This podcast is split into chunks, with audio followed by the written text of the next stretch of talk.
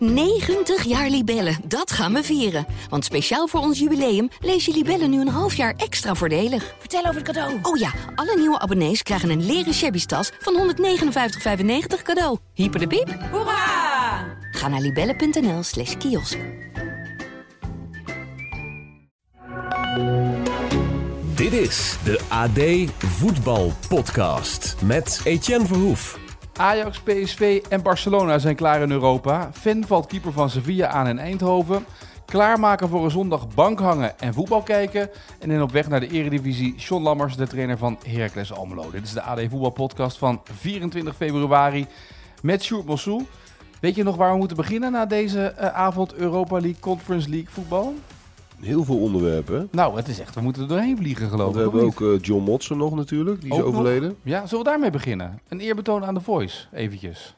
Ja, nee, waarom niet? Ja, Geweldige man, geweldige stem. Ja, als je vroeger BBC opzette, dan hoorde je meestal John Motson. ja. Eh, je had ook een, eind jaren 90 had, ik- had je een computerspelletje, een beetje de eerste varianten van FIFA. Ja. Eh, waarbij je voor het eerst ook echte commentatoren had. Dat was ook John Motson altijd. Samen met Andy Gray. Weet ik ook nog goed. Eh, maar, maar wat Motson geweldig maakte, was dat hij, dat hij echt altijd sprak als een pure liefhebber. Ja. als je me die 50 jaar beluisterde, was zijn enthousiasme eigenlijk altijd hetzelfde. En bracht hij het voetbal altijd terug tot, tot een spel van plezier, zou ik maar zeggen. En of dat nou Champions League was, of het was eh, de onderkant van de FA Cup. Harry Ford Town tegen Newcastle United, legendarische wedstrijd in de blubber. Ronnie Radford, moet mensen even opzoeken. Ik, je zag vandaag fantastische beelden voorbij komen, allemaal met, met commentaar van Motsen. En hij was altijd eh, enthousiast en, en, en nooit te. Hij, hij bleef altijd precies op de balans tussen plezier in voetbal en, en niet over de top gaan. Hij was een, een, een soort Theo Reitsma, een Engelse variant op Theo, Rij- Theo Reitsma, denk ik. Want hij, hij zei nooit te veel. Maar met nog net iets meer, eh, hoe zou ik het zeggen? De vivre. Ja, het was als, als een bal diep werd gespeeld, dan kwam een kans. en Oh, what a magnificent. Weet je, dat is een beetje dat. Ja, dat het ja, was ja. net niet over de top dat het geschreeuw was van. Eh, dit is. ge-" Maar het is net.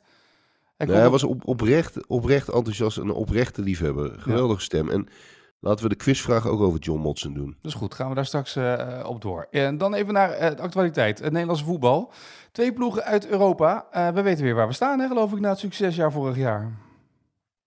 Ja, pijnlijk. Ja, Heel pijnlijk. Bij PSV eh, zag je natuurlijk heel erg aankomen naar die 3-0. Hebben ze natuurlijk ook, ook over twee wedstrijden compleet weggegeven. Totaal onnodig tegen een, ja, eh, voor Sevilla begrippen heel matige eh, ploeg. En eh, je zag ook in deze wedstrijd weer dat, ja, dat, dat er volop kansen waren om, om tegen dit elftal door te komen. Draai je niet voor niks slecht in de, in de Spaanse competitie. En ehm, daardoor bleef toch een beetje het gevoel hangen van een gemiste kans. En, en je kunt wel zeggen van ja, we hebben een goede wedstrijd gespeeld. En Van Nistelrooy bleef redelijk positief in zijn, afloop, in, in zijn analyse en afloop. Maar, maar over twee wedstrijden is het gewoon, eh, ja, is het gewoon eigenlijk eh, van alles net niks. En, en als je het, eh, het hele seizoen van PSV in Europa beschouwt, dan, dan kun je daar een beetje hetzelfde over zeggen. Met, met die wedstrijd tegen Rangers als dieptepunt. ja maar al vijf jaar geloof ik nu op rij uitgeschakeld in Europa in de competities. Dat, dat is natuurlijk wel pijnlijk voor PSV, toch op deze manier? Nee, zeker. En, ehm, ja, en ook al is het Sevilla bij naam een grote club, ook nu eh, was het gewoon echt te weinig. En, Ja. en dan nog eh, als grote dieptepunt die, die idioot die dat veld oploopt. Ja, voordat we over die idioot praten, nog even naar het spel. Eh, van, van tevoren zei Van Nistelrooy, je moet hopen op iets bijzonders, dat er iets gebeurt. En nou heeft Maarten Wijfels vaak genoeg gezegd, je hebt vijf wissels, dus je kan ook nu gewoon gelijk beginnen, storm moet drang, en dan kun je altijd nog aanpassen als het dan eventueel... Dat mist hij een beetje, de Co-Adriaanse variant gewoon, want toen ze echt volle bak vooruit gingen spelen, lange ballen naar voren, toen pas kwamen de echte kansen voor PSV. Ja, ik, ik zag dat Maarten dat op Twitter zette. Ik, vond dat, ik ben het daar over het algemeen ook wel mee eens. Ik, ik vind het tot nu toe ook een beetje tegenvallen met die vijf wissels. Quadriaans is inderdaad vaak genoemd. Die zetten dan bijvoorbeeld bij Willem II zette die Mark Schenning eh, in de eerste kwartier zette die in de spits. En dan ging hij echt met vier spitsen spelen. Ja, waarom zou je dat niet doen in zo'n wedstrijd?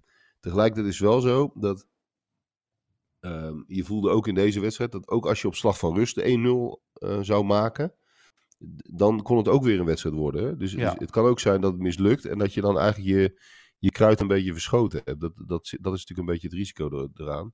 Maar helemaal mee eens dat het, dat het veel te laat op gang kwam. hè. Het, het was geloof ik 70 minuten en Ja. toen begon het eigenlijk pas. En dat was gewoon uiteindelijk eh, te weinig. Ja, het was te weinig. En er was ook nog een fan die het zo nodig vond om het veld te betreden. Dat is toch niet iets wat je vaak ziet in Eindhoven eigenlijk. Nooit dit soort dingen, toch? Nee, maar je hebt tegenwoordig overal gekken, hè? Ja. Eh, ook bij clubs waar je dat niet meteen eh, zou verwachten. En PSV is daar één van. En dat heeft eh, volgens mij ook heel veel, veel te maken met, met drugsgebruik op de tribunes. Gebeurde vroeger ook wel. Maar toen was het vooral alcohol dat de klok sloeg. En, en tegenwoordig, volgens mij is drugs echt een groot probleem in de stadions, in de Nederlandse voetbalstadions. Sorry, ik ben een beetje verkouden eh, na carnaval. Maar ehm, nou ja, een totale gek natuurlijk. En, en eh, ergens is het ook wel weer eh, ja, veelzeggend over het intellect van deze figuur. Dat hij dan uitgerekend naar de grootste man van het veld rent. Ja. Een, een kale Serviër, Ja. waar je normaal in een donker steegje met een boogje omheen zou lopen. Het was, net, het was een soort uitsmijten van een nachtclub. ja. Ja, dat zou dan grappig kunnen zijn als het niet zo triest was. Want hij brengt PSV natuurlijk in, in, in grote problemen op deze manier. En niet voor niets was, was eh, Marcel Brands eh, woedend. Ja, en hij slaat hem ook nog, hè? Want eh, je ziet ook die foto's die vervolgens op de site nu ook wat foto's. Dan die beelden worden bij op de televisie altijd weggehouden. Dat je ook ziet dat hij hem echt slaat. Dat je denkt, ja, je totale nou? gek. Ja. Totale gek. Precies. Ik ben niet voor, voor, voor het publieke, noem je dat ook weer? Ook weer als je, Public als shaming. Ja, eh, maar ja, als je, als je, als je zo achterlijk bent om eh, met een capuchonnetje op voor de vorm, maar verder voor iedereen herkenbaar het veld op te rennen. Ja, dat, dan mag je van mij eh, de rest van je leven daarmee worden achtervolgd. Dat, dat, eh, daar heb ik niet echt medelijden mee. Nee. Je hebt vroeger Hooligan Wesley gehad, hè? bij Ajax AZ was dat. Ja. Die, keep, die keeper kreeg toen rood, hè? Ja. Wie was het ook weer? Eh, Die, die Zuid-Amerikaan van AZ. Esteban. Esteban, ja. En, en Bas Nijhuis, notabene Bas Nijhuis gaf hem toen rood. Dat Ja. was ook nog wel wonderlijk. Maar eh, nee, eh, super, super triest eh, voor PSV. En ehm, ja, dit kon er ook nog wel bij. Ja. Sunny Side, 0,4 punten gescoord voor de coëfficiënte Polonaise. Je kan ze maar nodig hebben aan het einde van de rit, hè?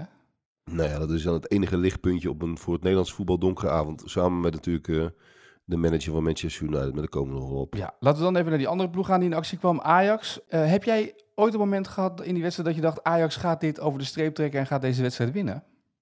Nou, tot die handsbal eigenlijk wel. Ja? Om heel eerlijk te zijn. Want ze begonnen best wel goed. Je zag inderdaad, ze begonnen heel aanvallend ook trouwens. En, en daar kwamen ze best wel, eh, best wel goed mee eh, in de wedstrijd. Maar die handsbal, ja, dat, dat veranderde eigenlijk alles. En, en dit zijn natuurlijk ook vreselijke penalties. Het, het blijft een onuitstaanbare regel. Tegelijkertijd heeft Ajax in de thuiswedstrijd ook geluk gehad met een VAR-moment. Ja. Dus die kun je tegen elkaar wegstrepen. Maar het, het blijven bloedirritante handsballen natuurlijk. Ja. En eh, die jongen kan er helemaal niks aan doen. Nee, dat is ook zo Maar raar goed, dat je tegenwoordig als verdediger ongeveer de, band, de handen op je rug moet hebben gebonden, want anders dan is het een strafschop. Nee, precies. Eh, Dat is, dat is vreselijk. Die regel blijft een, eh, een bron van frustratie. Maar als je het over, de, over twee wedstrijden bekijkt, is Ajax gewoon terecht uitgeschakeld. Ze zijn een helft ja, eh, optisch de betere geweest. Kwamen ze met 2-0 achter. En na rust eh, hadden ze natuurlijk eigenlijk weinig meer in te brengen. En dat, dan, dat Union heeft een geweldige, geweldige verdediging. Dus na die 3-1 was het ook meteen klaar. De- dramatisch verdedigd trouwens ook weer van Ajax. Nou, dat ook inderdaad. Laten we daar even... Jurien Timber. Ja, Halleluja. Die jongen die, die wordt altijd eh, uitgebreid eh, geroemd eh, in Amsterdam, ook daarbuiten trouwens. Maar dit, dat kan niet op dit niveau natuurlijk, bij een corner zo verdedigen. nee. nee. En, en die Roelie dacht natuurlijk, ja, ik heb die wedstrijd gezien tussen Real Madrid en Liverpool. Dus daar doen de keepers ook nog even een duit in het zakje. Laat ik dat ook even doen. Dat komt. Ja, was een blunder. Ik vond wel dat eh, Arnold Bruggen legde dat wel goed uit bij ESPN. ja. Die bal die, die stuitte normaal hoger op. Die bleef eigenlijk laag op een gekke manier. ja. En daar ging het eigenlijk mis. Dus wij, wij keepers herkennen in ieder geval, dan blijft het, maakt het niet minder een blunder, maar je snapt in ieder geval waar het fout gaat. Ja, maar toch, het blijft wel een blunder natuurlijk. Ja, dat zeg ik Ja, ook bij. precies, ja, ja. Ja. Maar goed, Nee, maar dat was, eh, dat was, eh, ja, dat was eh, de nekslag. En vooraf was het vertrouwen, eh, zou je kunnen zeggen, tamelijk groot. Hè? Ze hoefden zelfs niet op penalties te oefenen. nee. Was ook niet nodig, want ze gingen het gewoon in de wedstrijd gingen ze beslissen. Ze hadden eh, het beste linkerkantje van Europa. Al, al, al speelde de, de, de betreffende linksback speelde niet eens, maar goed. Ja, dat is wel weer, wel weer wonderlijk hoe, hoe dat vertrouwen dan opeens weer, weer, weer groeit in zo'n dramatisch seizoen voor zo'n wedstrijd. Ja, hè? Ja, dat is bijzonder. Ja, Ja. Het, het hoort ook bij de folklore van Ajax. Het is ook heel grappig ergens natuurlijk. Maar het is, het is niet grappig dat ze eruit liggen. Het is... eh, ja, het is... Kijk, het brengt bij Ajax ook... eh, het gaat ook een soort existentiële vragen oproepen. Hè? Van waar moet Ajax nou eigenlijk naartoe Ja. eh, de komende jaren? dat, is echt, dat wordt echt een kwestie. Ook op RWC-niveau speelt dat al een tijdje. Kijk, in 2018, 2019 heeft die nieuwe koers natuurlijk heel goed uitgepakt. Met, met, met hogere salarissen en een paar goede spelers gehaald. Een paar, paar hele goede jongens uit de jeugd. Pasten allemaal perfect in elkaar. Nou, geweldig halve finale. Ongelooflijk knap. Maar vier jaar eh, nadien, en de vier jaar daarna, had je eh, Getafe had je eerst. eh, Roma, Benfica en Union Berlin hè, uitgeschakeld. Alle, alle vier eigenlijk vrij roemloos door, door subtoppers in Europa. Misschien zelfs wel minder dan subtoppers. Getafe en Union is middenmoot. Dan heb je dus je begroting opgestuurd met alle salariskosten van dien. Nou, zeg maar 200, 220 miljoen, eh, miljoen euro. Dat is voor Nederlandse begrippen ontzettend veel. Maar dat betekent dat je eigenlijk qua inkomsten en uitgaven op je tandvlees loopt. Want als je een keer Champions League mist, dan, dan heb je zo'n gigantische salarispost. Dat je gelijk in de problemen zit. En, en, en, en wat, wat heeft het je dan eigenlijk uiteindelijk gebracht? Want economisch gezien is de echte Europese top alleen maar verder weggelopen. Ja. Als je die Deloitte-lijsten kijkt, dan is de, de relatieve afstand tussen Ajax en, de, en de, zeg maar de top 20 van Europa alleen maar gegroeid, financieel gezien. Dus de afstand is eerder groter geworden sinds 2019 eh, in Europa. Eh, Je bent verder achterop geraakt eigenlijk, ironisch genoeg. Terwijl je er alles aan hebt gedaan om, om zeg maar ja, je mogelijkheden tot, maximale, eh, tot maximaal op te rekken. En eh, ja, dat, dat, kun je onderhand, eh, als je in de RVC van Ajax zit, zou je onderhand best eens wat vragen kunnen stellen over de toekomst. Van ja, moet, moeten we dat nog wel op deze manier doen? Is dat nog wel verantwoord? Eh, stel dat je, eh, er komen gelukkig, als het mee zit, eh, komen er twee Champions League ple- plekken aan straks. En dat kan, dat kan wat schelen. Maar eh, ja, blijft het zeg maar qua inkomsten een beetje op, op dit niveau in Nederland. En daar heeft het alle schijn van. Ja, dan wordt dat voor, voor Ajax steeds moeilijker. En dan wordt het ook wel, eh, ja, kun je afvragen of dat aanhaken bij de Europese top. Ja, misschien dat het één keer in de tien jaar een keertje lukt, zoals in 2019. Maar dan wordt, dat wordt structureel natuurlijk heel moeilijk. Maar is dat niet gewoon, zou wel- dat niet gewoon überhaupt het streven moeten zijn dat je in een periode van vijf jaar één keer zo ver komt tot een kwartfinale, een halve finale van de Champions League. Dat je één keer zo'n uitschieter hebt in de vijf jaar. En dat je dus genoegen moet nemen in Nederland met het feit dat je dus de andere jaren in de Europa League ver moet komen. Verder dan Ja, de tussenronde. nou, zeker, maar, maar zelfs dat wordt natuurlijk al Ja, steeds moeilijker. ja, Want die afstand financieel is- is alleen maar gegroeid. ja. Dus je hebt heel veel geïnvesteerd. Je betaalt enorme salarissen voor Nederlandse begrippen. Televisiegelden stellen je niet zoveel voor. Dus je bent volledig afhankelijk van die Champions League. En dan nog zie je dat, dat, ja, dat ploegen, zeg maar top Champions League, dat, dat die sportief en financieel eerder verder weglopen dan dat, dat, dat je dichterbij komt. Dus, dus dan, ja, of die één keer de vijf jaar, tuurlijk, dat zou een mooie doelstelling zijn. Maar je, je hebt de afgelopen vijf jaar eigenlijk gezien hoe, hoe, eh, hoe nauw het luistert om dat één keer te, te halen. Ja, het- je moet Dus van dat- zoveel dat- afhankelijk zijn, je moet van zoveel factoren afhankelijk zijn dat het bijna niet te, te controleren is eigenlijk. Ja, en je en je moet natuurlijk wel ambitie hebben. Dat- Ja. Zo is het ook. Alle- Alleen je moet op een gegeven moment, eh, als je straks, als je ook verantwoordelijk bent voor de zeg maar, middellange termijn bij Ajax, dan, dan kun je wel eens af gaan vragen of het allemaal nog wel, ja, of dat allemaal nog wel te verantwoorden is ten opzichte van wat je ermee te winnen hebt. Ja, een, be- beetje, wat, lastig. een beetje wat PSV ook heeft dus eigenlijk, toch? PSV heeft Ja, op een ander niveau heeft ja, PSV dat ook. die probeert Ajax bij te halen en ziet nu ook van ja, is het nog verstandig wat we nu doen om het eigen vermogen niet helemaal in te teren? Nou ja, exact. En, en die, die, die komen nooit zo ver als Ajax, want dat, dat is in, in potentie een, een kleinere club. Ze kunnen wel vaak Champions League proberen te halen, maar dan nog eh, tikken ze Ajax niet aan. En, dan, en ook zij moeten zich de vraag stellen van, hoeveel zin heeft dat dan nog? En het enige is dat het Europees voetbal waarschijnlijk gaat veranderen. Goede kans dat er nog eh, nieuwe competitiemodellen komen, misschien wel de Super League. En misschien gaat Ajax dan wel bij aanhaken. Dat kun je echt niet, eh, niet dat zou best eens kunnen. Ja.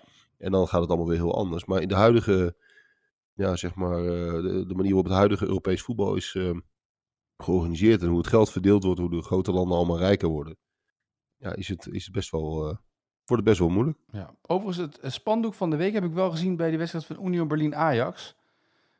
Ik weet niet hoe jij hem vond, maar eh, de Pils Piranha's. Ik dacht, dat moet ik, dat in het kader van carnaval de afgelopen week vond ik wel een aardige voor jou eigenlijk. Ja, ik, ik vond het een bijzondere sfeer. Eh, ik heb het al Ja. in de tv gezien. Het was trouwens inderdaad een bijzonder spandoek, mooi spandoek. Eh, het, is, het is een tof stadion met die drie staantribunes, maar het, het had ook iets, eh, inderdaad iets carnavalesk Ja. ook. Ja, ook de sfeer wel tijdens de wedstrijd vond ik. Ja. maar goed, tegelijkertijd vind ik dat ook nog wel weer aardig ten opzichte van al het ultra gedoe met al die jongens in die zwarte truien. Die het veld Dat- dat- opkomen en zo. En, Ja, precies. Ja. Nee, dan had hij nog wel iets gemoedelijks, gemoedelijks en, en, en leuks. Maar, ehm, maar goed, dat, dat is allemaal bijzaak. Eh, Ajax ligt er roemloos uit. En, en ja, dat is voor het Nederlands voetbal, eh, zoals het cliché luidt, natuurlijk eh, eh, dramatisch. In ieder geval heel slecht. als wij nu de AD voetbalpodcast van nou ja, Barcelona zouden zijn geweest, hoe zouden we dan nu geopend zijn? Van Barcelona. Ja, als we nu in Barcelona een podcast zouden maken vandaag, na afloop van hè, de, onze dagelijkse podcast in Barcelona, wordt nu opgenomen naar aanleiding van die wedstrijd United-Barcelona. Wat zouden we dan zeggen? Schande spreken, wat zouden we doen? Nou ja, als je met, met al die investeringen en met zo'n selectie niet verder rijdt dan de tussenronde voor de, van de Europa League, ja, dan dat is natuurlijk diep treurig voor Barcelona. Maar tegelijkertijd staan ze natuurlijk bovenaan in de competitie. Dat, dat verzacht best wel wat. En ehm, ja, voor United is het vooral heel erg leuk. Nou ja, dit is de boost. Voor die, zich. Dus de, de boost die Ten Hag nog even, als hij nog geen boost had, dan is dit de volgende boost die die selectie krijgt, toch? Ja, daarom. eh, en dat is toch geweldig wat dat losmaakt. Ehm, eh, hij speelt zondag de finale hè, Ja. tegen Newcastle voor de League Cup. Hij zit in alle toernooien nog. Eh, wint van Barcelona op een bijna ouderwetse manier. Dus dat is geweldig om te zien. En dat is het lichtpuntje voor het Nederlands voetbal. Want hoe lang is het wel niet geleden dat we een succesvolle trainer hadden in de top van Europa? Ja. Nou ja. Dat, is, dat is ook wel weer eens fijn. En hij heeft de zegen van Sir Alec Ferguson. Dus dat moet jou als, als voetbalromanticus toch goed doen dat die twee samen een hapje zaten te eten. Samen bij de Italianen. Ja. En het was best wel een bescheiden Italiaan. Ik zag nog ergens op Twitter de, de menukaart voorbij komen. ja. Je kon gewoon voor 13 pond, kun je een lekker pizzaatje nemen daar. Zou, zou Erik een pizzaatje hebben genomen of zou die aan een saladetje hebben gezeten? Eh, Lijkt mij meer een man voor een salade. Ja. Maar ik, ik weet niet, is dat al bekend wat ze gegeten Nee, hadden? nee, Nee, dat toch? heb ik dan ook niet. Dat heb ik nergens nog gezien. Nee, Erik ten Hag lijkt me geen man voor een pizza. Dat is een slechte voorbeeld. Ja.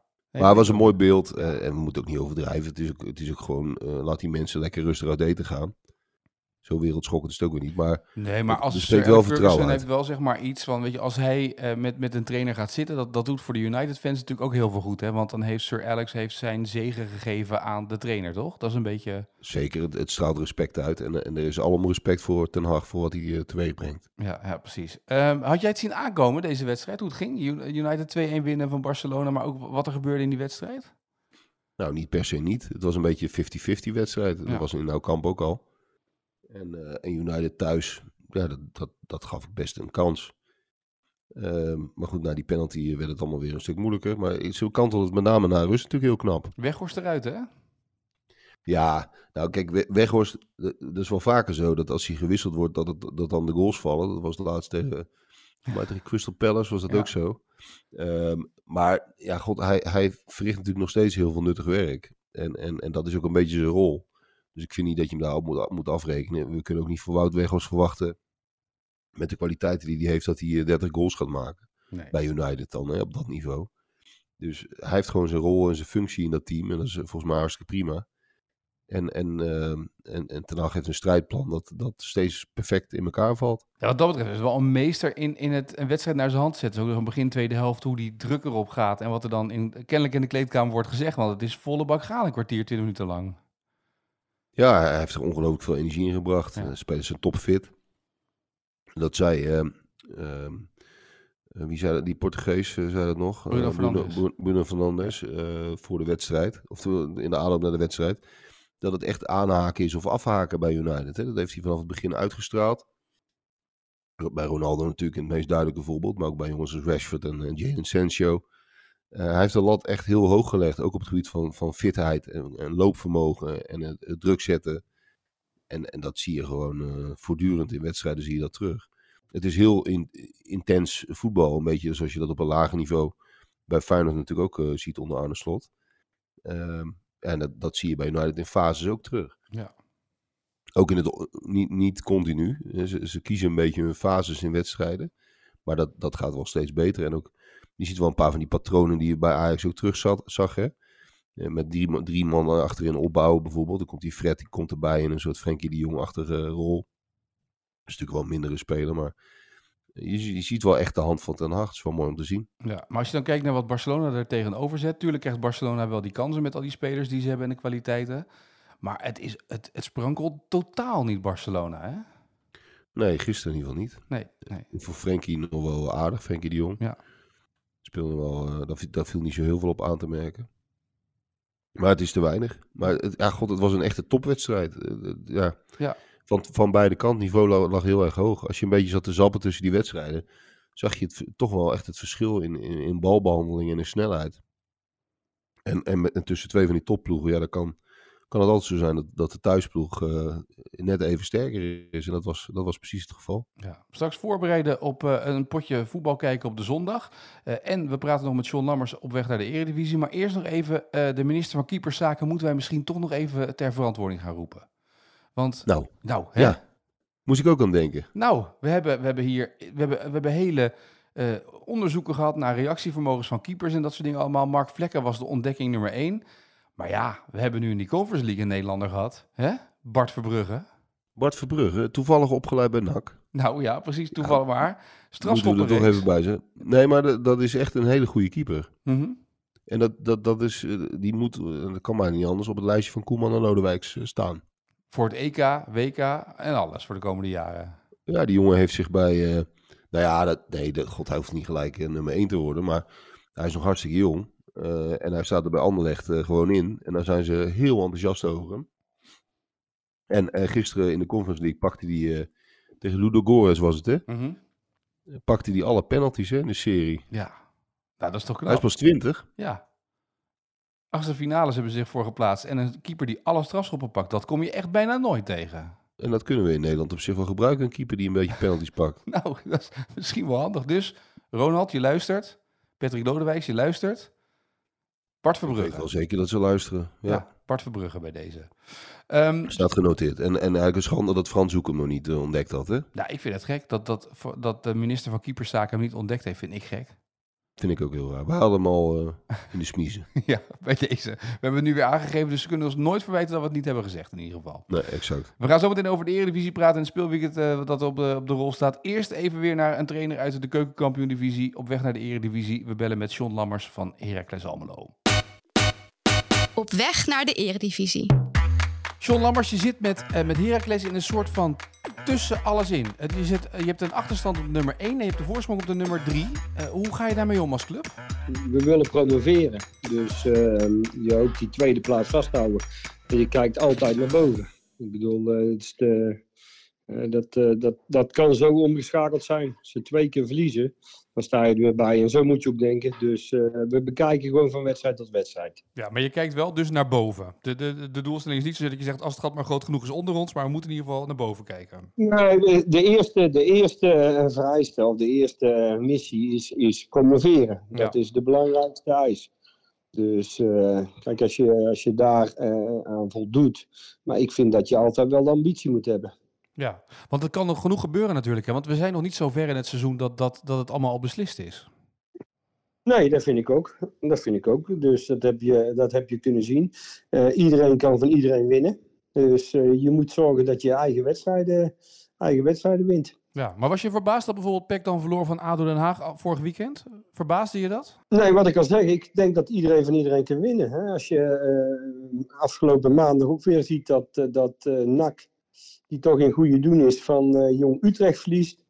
Um, er zijn geen makkelijke wedstrijden in deze competitie. En, uh, en daar moet je gewoon, elke wedstrijd moet je, moet je heel scherp zijn. En moet je het eigenlijk uh, snel afmaken, als ja. je die kans hebt. De, de competitie loopt nog even door, maar langzamerhand gaat iedereen ook een beetje kijken naar komend seizoen. Ook spelers kijken daarnaar. Hoe ga je daarmee om als trainer in deze fase? Want er komen spelers vrij. Dan moet dat gaan gebeuren richting een nieuw seizoen natuurlijk. Je kan niet wachten. Nou, kijk, wij zijn overal op voorbereid. Daar hebben we natuurlijk, daar spreken we intern, uh, spreken we daar veel over. Uh, hebben daar overleg over. En dan ga je gewoon kijken, uh, hè, wat heb je nodig, waar willen we naartoe. Dus, en we willen gewoon naar de eredivisie, en, maar, maar die garantie kun je niet geven. Dus ja, liefst heb je dat zo snel mogelijk. Maar daar ben je wel naartoe aan het kijken. Naar spelers aan het kijken die, die je daar anders kunnen brengen.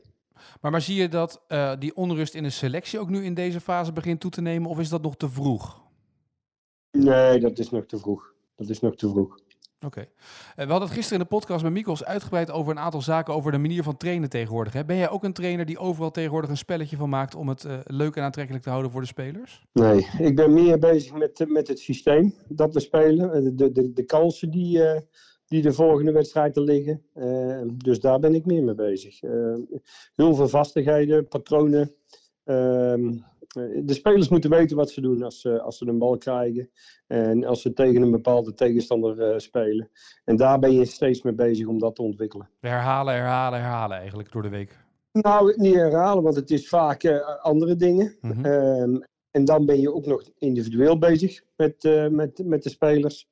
Dus maar ik ben heel veel met, met het spelsysteem bezig. Ja, uh, nou zei je vorige keer al, we hebben veel gesproken met de jongens en misschien moet ik zelf wat minder opdrachten meegeven. Doe je dat inmiddels ook in de rust, wat minder dingen zeggen en, en één of twee dingen aanhalen? Ja, ja daar, ga je, daar ga je steeds meer naartoe. Maar wat ik al zeg, het systeem wordt ook steeds duidelijker. He, je speelt vaker tegen bepaalde uh, systemen. Je hebt alle tegenstanders al een keer gehad. Dus je weet er ook wat meer van. Dus het is ook wel wat makkelijker weer aan het worden. Oh, gelukkig. De, de, richting het einde wordt het makkelijker. Dat is op zich prettig, toch? nou ja, wat ik al zeg. Uh, je, we spelen nu voor de tweede keer tegen Telstar. De eerste ja. keer dat je het bij Telstar speelt, heb je ze zien spelen. Maar uh, vaak doet een ploeg het tegen ons toch net iets anders. Nou, dan moet je daarop uh, op, op in kunnen springen. Ja. Uh, tot slot, hè. je collega bij de Graafschap, Adrie Poldervaart, is bekend geworden bij de Graafschap dat hij in ieder geval uit het ziekenhuis is. En dat nu de fase van herstel gaat beginnen. Was je geschrokken? Ja, ja ik ken Adrie natuurlijk ja. vrij goed. Ik heb met hem gewerkt. Ik heb ook contact gehad met hem. Dus nee, ik ben blij dat hij uit het ziekenhuis is. Ik, ik, ik ken toevallig ook nog iemand die ook die ziekte heeft gehad ja, daar, uh, daar moet je niet te makkelijk mee, mee omgaan. Dus ik hoop dat het snel beter gaat. En ik heb ook gezegd, ik hoop dat hij snel weer het fanatisme wat hij altijd heeft. en wat ik ook een mooi aan hem vind, dat hij dat weer snel kan tonen aan zijn spelers en ook aan, aan de mensen in de stadions. Ja, want Adrie is wel fanatiek, hè? Die is niet rustig langs de lijn. Nee, die is geweldig. hè? Die is zo begaan. Die jongen die is, die is dag en nacht bezig met voetbal. Uh, dus die is daar heel veel, uh, ja, die steekt er heel veel energie in. Dus, uh, en dat is alleen maar mooi. Precies, goed. Bij deze kant hopelijk snel een herstel. Adrie, als je luistert. Uh, John, dankjewel. Ik wens je weer een goede vier weken toe. En tot over vier weken gaan we kijken of, die, of dat pek inderdaad aan het verliezen is. En dat je toch weer nog wat terug kan doen op weg naar boven. We doen ons best, Etienne. Dankjewel, John. Fijne dag. Goedjes. Hoi, hoi. Heb jij een tip? Want ik denk dat zondag voor veel voetballiefhebbers die niet naar het stadion gaan, dat het wel een, een bankdagje wordt vanaf kwart over twaalf. Fortuna Sittard, Feyenoord, dan Vitesse, Ajax, dan PSV Twente. Dat is toch lang uit op de bank en tussendoor even een moment kiezen om wat drinken bij te schenken, of niet? Nee, zeker weten. Ja. Het wordt een heerlijk zondagje. En, en die stand die kan dan uh, in een paar uur uh, voortdurend uh, op en neer golven. Ja. Dus het wordt hartstikke leuk. Ben ja. jij zo'n bankhanger dan op zondag? Nou, ik ga naar Vitesse Ajax. Ja. Dus nee. Um, en s ochtends naar, uh, naar ESPN. Dus ik moet uh, Feyenoord een beetje vanuit de auto volgen, denk ik. Mm -hmm. Maar um, ja, prachtige zondag. En daar gaan er nog meer van volgen. Ja, Want het is, het is ook... over een paar weken heb je die klassieker alweer in Amsterdam. Mm -hmm. Dus het is geweldig. En, en Feyenoord ligt, ligt op kop. Het enthousiasme is enorm hè, in Rotterdam. Ja. Normaal heb je wel Feyenoorders die altijd een beetje fatalistisch zijn ingesteld die dan ook, hè, toen ze de laatste keer kampioen werden, merkte je dat ook een beetje van, oeh, het zal toch nog niet misgaan. Maar er is nu enorm vertrouwen. Ja, Arne Slot, hè? In Arne wie trust is het een beetje, ja. toch? Ja, maar dan zit ik naar de stand te kijken en denk ik van, ja, god, het kan ook binnen één weekend weer zijn omgedraaid. Want ze staan in feite maar twee punten voor hè, op Ajax. Het zijn er drie. Ja. Maar het doelsaldo is, is wel een groot verschil. Dus dat, dat zijn eigenlijk maar twee punten, toch? Zo ja. kun je er toch ja, naar ja, kijken? zeker, ja. En uh, ja, dat is ook weer niet heel veel. Ik, en ze hebben een makkelijker programma, dat is absoluut een feit. En het is logisch dat, dat, uh, dat ze enorm enthousiast zijn. Maar het is nog geen gelopen koers natuurlijk. Nee, maar als je dan weer gisteren van Johan hoort in de podcast, die dan even berekend heeft hoe dat dan gaat. Hè? Als Ajax doorgaat in Europa, dat ze dan eigenlijk veel meer in een soort van ritme komen. Daar gaan ze nu ook uit. Dus eigenlijk is dit goede nieuws voor de Feyenoord supporter. Die, die lopen de Polonaise in Rotterdam natuurlijk, na deze, ja. na deze avond. Als die theorie klopt, dan, ja. uh, dan, dan uh, kun je dat uh, zo zeggen, ja. Maar de vraag is of die klopt natuurlijk, hè? Nee, ja goed, maar kijk, dat is natuurlijk bij Ajax sowieso wel gebleken dit seizoen. Ehm, die kleine wedstrijden, die gingen onder Heitinga voorlopig goed. Maar verder valt er nog niet zo heel veel over te zeggen qua enorme verbetering ten opzichte van Schreuder. Je kunt je ook eens gaan afvragen eh, nou, of je nou wel zo, zoveel topkwaliteit in huis hebt met deze selectie. Ja, Met, waar. met alle aankopen die gedaan zijn, waarvan er een heleboel zijn mislukt. Of aan het mislukken zijn, of heel erg tegenvallen. En, en dan kun je wel- welke trainer dan ook voor de groep zetten. Maar dan is het misschien onder de streep wel, eh, wel te weinig. Heeft deze wedstrijd PSV genoeg vertrouwen gegeven om eh, bijvoorbeeld tegen Twente gewoon te kunnen doen wat ze, eh, wat ze willen of zouden moeten doen, denk jij? Ja, ik kan op PSV eigenlijk geen pijl trekken. Nee. Jij wel? Nee, dat, dat is ook, het is eigenlijk een beetje zoeken. Je denkt, ja, wat gaan ze dan doen? Hoe zit het in elkaar? Maar je hebt eigenlijk geen idee toch hoe die voor de dag komen. Het, het verschilt van week tot week. Ja, En in fases van wedstrijden ook. Dan, dan stort het weer helemaal in elkaar. En dan, en dan gaat het opeens weer lopen. En dan denk je, nou, er zit wel wat in. Dus ik, ik, ik zou het echt niet weten. Nee. En, en maar ze staan inmiddels... eh, de, afstand is al zes punten, toch? ja. En, en ze krijgen nog wel een paar moeilijke wedstrijden. Nou ja, ik zou als PSV-fan niet, eh, niet optimistisch zijn. Ook niet op bas- basis van deze wedstrijd. Want ehm, tot die, dat, die opportunistische slotfase speelden ze natuurlijk ook niet, niet fantastisch. En creëerden ze eigenlijk ook heel weinig. Nee, dus, dus heel veel reden tot, tot enorm optimisme bij PSV zie ik nou ook weer niet. Nee, het is trouwens zaterdagavond komt AZ in actie tegen Cambuur. Eh, en ook nog wel aardig, Groningen Excelsior. Eh, dat, is ook voor onderin, zeg maar. Dat is, dat, dat is de degradatiewedstrijd van eh, dit weekend alweer ongeveer, hè? Zeker. Onderin is ook super spannend. En Cambuur Emmen komt er nog aan, hè? Ja, Zonder uitsupporters. ja, mag niet meer mee hè, naar Cambuur, uitsupporters. Is dat, nou- dat is wel Ah, het voordeel van, van, van Cambuur natuurlijk. Maar Etienne, dat is toch heel erg raar, of niet? Dat is toch, nou, dat, dat is toch niet, werkelijk niet uit te leggen. Er, er ontstaan rellen bij uh, Cambuur Heerenveen. Dus er zijn een stel idioten die daar met elkaar op de vuist gaan. En vervolgens zeg je tegen de supporters van, van Emmen en van Feyenoord, want daar moeten ze er ook nog tegen. Ja. Utrecht, geloof ik. En Go Ahead, tegen die mensen zeg je... Ja, jullie mogen niet meer komen, want wij hebben vorige week rellen gehad bij Cambuur Heerenveen. Dat is, dat is totaal absurd. Eh, eh, Dat dat, dat, dat dat maar op die manier kan, dat, dat is eigenlijk heel merkwaardig. Dat, dat, dat zou eigenlijk zijn dat er een vechtpartij is in het centrum van, eh, weet ik veel, Deventer. En dat wij dan volgende week niet naar Deventer mogen. Omdat daar vorige week een vechtpartij is geweest. ja, ja, Dus wij mogen dan niet naar het café met z'n tweeën in Deventer. Terwijl we, dat, eh, nou ja, terwijl we daar hartstikke veel zin in hebben. om met Eus een kop een biertje te gaan doen, hè? Ja, precies. Nou, Ja. maar dat is toch, dat is toch totaal krankjorum. Ja, ja En, en het, het, er spreekt angst uit bij burgemeesters. Die weten het niet meer. Dus, dus die, sterk, blijkbaar kunnen die de openbare orde niet handhaven op een andere manier. Dus gaan ze maar eigenlijk onschuldige mensen verbieden om, om naar het stadion te komen. Ja, ik kan er met mijn pet niet bij, maar goed. En, en los daarvan is het eigenlijk een vorm van competitievervalsing. nou dat wou ik zeggen, want Bruma helpt hier wel, natuurlijk wel een klein beetje mee dat, dat de uitsupporters niet kunnen eh, eh, schreeuwen voor hun team. Nee, exact. En ik, ik hou me ook, ook mijn hart vast. En dan moet die burgemeester er nog maar eens even goed over nadenken. Voor die wedstrijd tegen Feyenoord. Want, want die zijn straks bijna kampioen. Als het nog een beetje doorgaat. En die gaan dan met z'n allen naar Leeuwarden. Ja, En dan mogen er geen uitsupporters mee. Nou, veel succes. Nee, maar Siban Bruma, eh, bedoel, die is CDA-leider geweest, dus die heeft vaker het volk toegesproken. Dus die staat dan bij de ingang van Leeuwarden en dan zegt hij, nee joh, terug naar Rotterdam joh. Ja, dat wordt me wat. Ja. Nee, dat wordt echt wat. Ja. Dat, dat, is bijna niet te organiseren. Nee, dat denk ik ook niet. Maar het, is een heel slecht, eh, heel slecht idee dit. ja, maar het gaat vooral om volgens mij dat ze zelf de openbare orde niet kunnen handhaven. Daar gaat het uiteindelijk om, toch? En, en dat, is, dat is het grote probleem. Want dat, wat- Dat, dat blijkt. Ja. Dat blijkt. Ja. Maar, maar dan blijft het merkwaardig dat je met voetbalsupporters gewoon maar kunt zeggen van... eh, tegen lukraken voetbalsupporters kun je gewoon zeggen van... Ja, je bent niet welkom. En op basis waarvan? ja, van stenen gooien door Heerenveen supporters naar de En, politie en, door, toe. ja, en door Cambuur eh, supporters. Ja, precies. En dan eh, zondag trouwens, eh, ter afsluiting nog zondag, United tegen Newcastle. Dat is natuurlijk wel, dat is wel toetje een beetje van de zondag. Eh, want dan kan Ten Hag de eerste prijs gaan pakken als manager van, van Manchester United. Erik ten Hag uit Haaksbergen op Wembley. Ja, nou ja, is toch mooi? Sorry. Sorry hoor. Nee, maakt niet uit. Nee, dat is, dat is, dat is geweldig. En, en eh, het, het is natuurlijk eigenlijk een relatief kleine prijs. Het is geen FA Cup, het is ook geen, eh, geen Euro- Europese prijs. Maar in Engeland telt hij wel. En zeker die finale, dat, daar komt, eh, dat Wembley is gewoon weer stijf uitverkocht. En het zou een, hartstikke mooie meevaller zijn als hij gelijk een prijsje kan, kan pakken. Ja, Want daar, da- da- dan krijgt hij gelijk de bevestiging voor, voor wat hij aan het opbouwen is. En vergeet niet, die, die, die overname staat op de planning. Hè? ja, En, je weet nooit eh, hoe, dat, hoe dat allemaal gaat lopen als die Qatari aan de macht komen. Je ziet soms de gekste dingen gebeuren. Trainers worden ruksigloos eh, eruit gedonderd. En het zou bij Ten Hag natuurlijk totaal absurd zijn, maar je, maar je weet het nooit hoe dat gaat. maar ik mag toch aannemen, Jij zegt het is een kleine prijs en dat begrijp ik. Maar ik kijk even naar de rest van het nieuws van dit weekend, het sportweekend. Eh, als, dat geen, als die hem pakt, dan is dat gewoon een covertje sportwereld, toch? Maandag, mag ik aannemen, met de League Cup.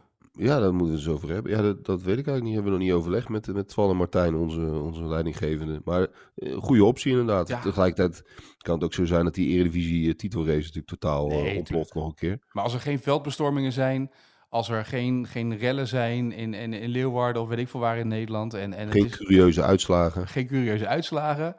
Dan, Dan geef ik, ten de cover. geef ik. Erik een kansje op de cover, toch? Zeker weten. Ja, dat lijkt me ook. Ehm, dan gaan we tot slot van deze podcast eh, natuurlijk eh, als afsluiting, want volgens mij hebben we alles wel redelijk doorgenomen, naar eh, de vraag van vandaag. De vraag van vandaag. Dit is de vraag van Mikos, daar komt hij. Ja, vraag over Napoli, Sjoerd. Misschien niet de allerbekendste club in, eh, in de eindronde van de Champions League, maar misschien ook wel de beste. Ze hebben zes strafschoppen gehad dit eh, seizoen in de Champions League. Ze hebben er drie gemist. Eén keer Kvaratskhelia, deze week tegen Frankfurt. Ze hebben ook gemist tegen Liverpool en tegen Rangers. Welke twee spelers misten ook namens Napoli dit seizoen? Eentje miste er tegen Liverpool, eentje miste tegen Rangers. Hij moest de trein halen, hoorde je het bij Mikos? Ineens had hij haast met die vraag stellen. Kort, krachtig en snel. Poeh. Ehm, ja. Po- Politano of zo?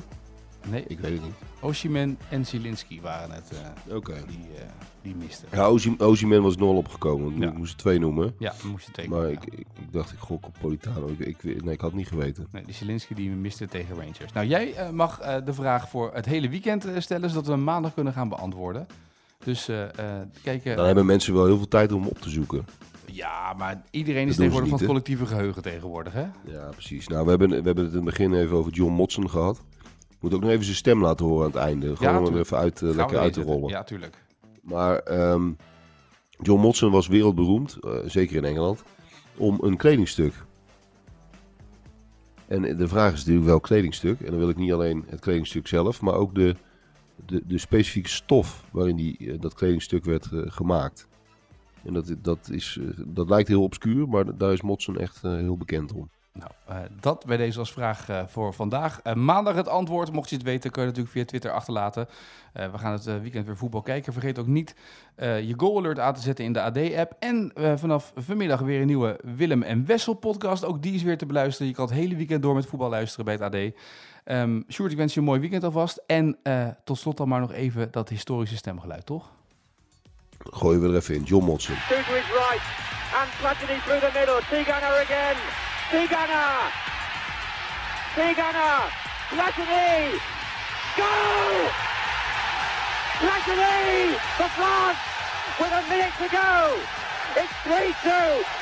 I've not seen a match like this. 90 jaar Libellen, dat gaan we vieren. Want speciaal voor ons jubileum lees je Libellen nu een half jaar extra voordelig. Vertel over het cadeau. Oh ja, alle nieuwe abonnees krijgen een leren shabby tas van 159,95 cadeau. Hyper de piep. Hoera! Ga naar libellen.nl slash kiosk.